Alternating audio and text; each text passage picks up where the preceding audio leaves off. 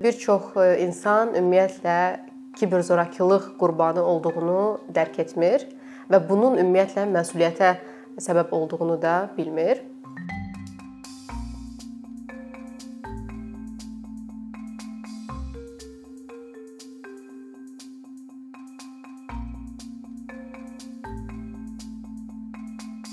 Kiberzorakılıq nədir?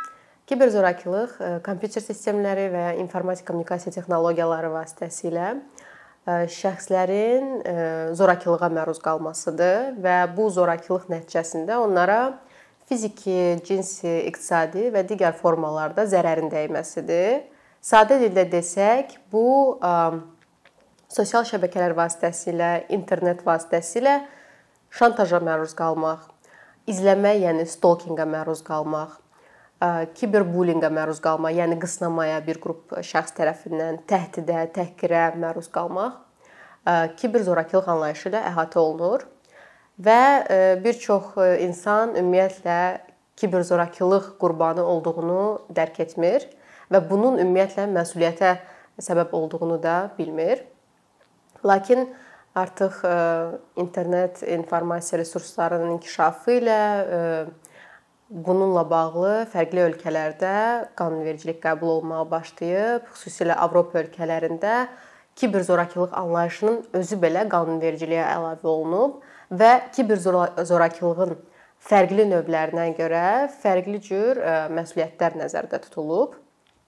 Bununla bağlı artıq Avropa məhkəməsinin də oturmuş e, təcrübəsi var Belə ki, e, ilk işlərindən biri Avropa məhkəməsinin bununla bağlı Finlandiya qarşı olmuşdu. Bir uşaq sosial şəbəkələrdə e, uşağın daha doğrusu şəkilləri paylaşılmışdı və onun e, ev nömrəsi paylaşılmışdı həmin saytda və şəxslər əlaqə saxla və o orada yazılmışdı ki, mən sizinlə tanış olmaq istəyirəm və sərvə axır. Bu hələ 90-cı illərdə baş vermiş bir hadisədir sizinlə tanış olmaq istəyirəm və sər bu kimi kontentdən məlumat paylaşılırdı. Daha sonra evləri ilə əlaqə saxlayanda həmin adamlar tanış olmaq istəyən o atası ilə birlikdə polisə gedir, lakin qanunvericilikdə heç bir bununla bağlı maddə olmadığına görə onun işi deməli baxılmamış saxlanılır və daha sonra Avropa məhkəməsinə müraciət edəndə Avropa məhkəməsi belə bir qərar qəbul eləyir ki, dövlətlərin bununla bağlı pozitiv öhdəlikləri var. Bəli, ola bilər ki, 90-cı illərdə qarşıdan görmək olmazdı ki, əvvəlcədən görmək olmazdı ki, belə bir hadisə ümumiyyətlə nə vaxtsa baş verəcək. İnsanlar bu formada e, zorakılığa məruz qala bilərlər ümumiyyətlə. Çünki bu zorakılıq e, onlayn başlasa da nəticəsində e, fiziki formada ala bilər. Və Avropa məhkəməsi də belə bir qərar qəbul elədi ki, dövlətlərin şəxsləri qorumaq öhdəliyi, yəni onların şəxsi toxunulmazlıq hüququnun, onların bu formadakı bir zorakılığa məruz qalma qalmasından qorumaq kimi bir öhdəliyi var və əgər qanunvericilikdə bununla bağlı müddəalar yoxdursa, dövlətin öhdəliyi var ki, bununla bağlı müddəalar əlavə etsin e, yerli qanunvericiliyə, milli qanunvericiliyə. Bu ilk qərarıdır. Daha sonra bir çox qərar oldu Avropa məhkəməsinin. Bunlardan biri bu yaxınlarda qəbul olunmuşdu. Rusiyaya qarşı idi və qadının keçmiş partnyoru ümumiyyətlə belə deyim ki, bir zorakılıqla bağlı işlərdə gender əsaslı zorakılıq, yəni ki, kiber zorakılığın qurbanlarının əksəriyyəti qadınlar və uşaqlardır statistik olaraq və bu hallarda da əsas forması zorakılığın şantajın, hədənin keçmiş partnyor, keçmiş sevgili, keçmiş həyat yoldaşı tərəfindən əvvəllər onların arasında olan yazışmaların, videoların, şəkillərin və s.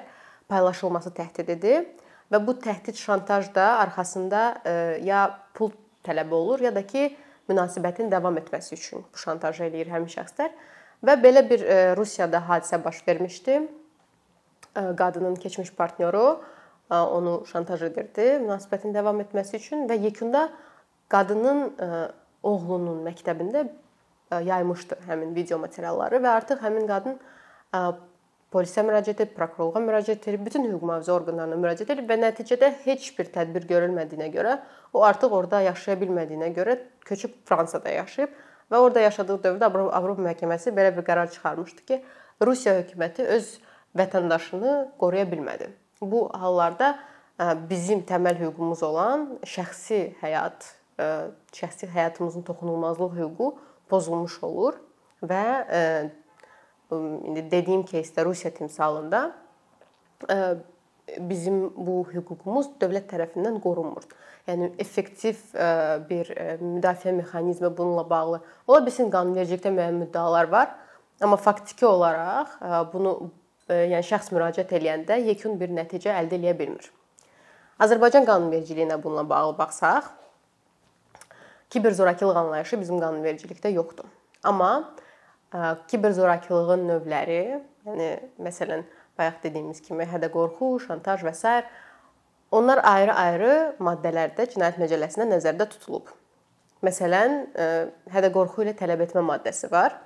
Əgər bir şəxs pul tələb edərək sizdən hədə-qorxu gəlirsə ki, hansısa mən rüsvay edici məlumatları sənin haqqında paylaşacağam. Bu cinayət məsuliyyətinə səbəb olur və kifayət qədər ağır ə, e, maddədir, yəni sanksiyası kifayət qədər ağırdır. Ə, amma burada bir məsələ var ki, bu şantaj sırf sırf pulla bağlı olmalıdır. Yəni əgər sizdən puldan pul yox, başqa bir tələb qoyulursa sizə, o zaman bu cinayət məsuliyyətinə səbəb olmur. Bu ciddi bir boşluqdur bizim qanunvericilikdə. Çünki burada belə bir məqam yaranır ki, ə, bəli, ola bilsin şantajın bir hissəsi pulla bağlıdır, amma digər hissəsi başqa tələblər qoyur şantaj edən şəxs. Ona görə bizim qanunvericiliyə bununla bağlı dəyişiklik olmalıdır. Ə, ikinci maddə bununla bağlı şəxsi toxunulmazlıq hüququnun pozulmasıdır. Cinayət məsuliyyətinə səbəb olur o da. Amma orada da bir problem var ki, şəxs o videoları, materialları paylaşmamış məsuliyyət yaranmır. Yəni gərək artıq o paylaşılsın ki, ondan sonra məsuliyyətə cəlb edilə bilsin həmin şəxs. Um, yenə də burada bir boşluq yaranır ki, elə hallar olur ki, Azərbaycanda da bu baş verib. Bir şəxs videoların paylaşılması ilə təhdid edirdi partnyoru, partnyorunu və onun paylaşmaq kimi bir niyyəti yox idi və pul tələbi də yox idi. Ona görə də dediyim o maddələrin heç birinin tərkibi yaranmırdı. Və yekunda adam özünü öldürmüşdü. Düzdür, özünü öldürmə həddinə çatdırma ilə həmin partnyoru məsuliyyətə cəlb etmişdilər.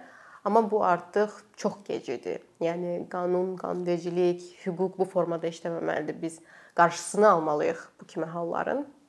Ümumiyyətlə sosial şəbəkələrin istifadəçilərinin sayının artması və e, internetin bizim həyatımızda rolunun artması ilə e, onun fəsadları da artır və e, bu fəsadlardan biri də elə kiberzorakılıqdır və bununla mübarizə aparmaq üçün e, qanunvericilikdə işlək mexanizmlər olmalıdır ki, insanlar bilsinlər ki, necə ki fiziki zorakılıqda fiziki zorakılığa məruz qalanda gedib hüquq mühafizə orqanlarına müraciət edirlər və bunun bir nəticəsi olur.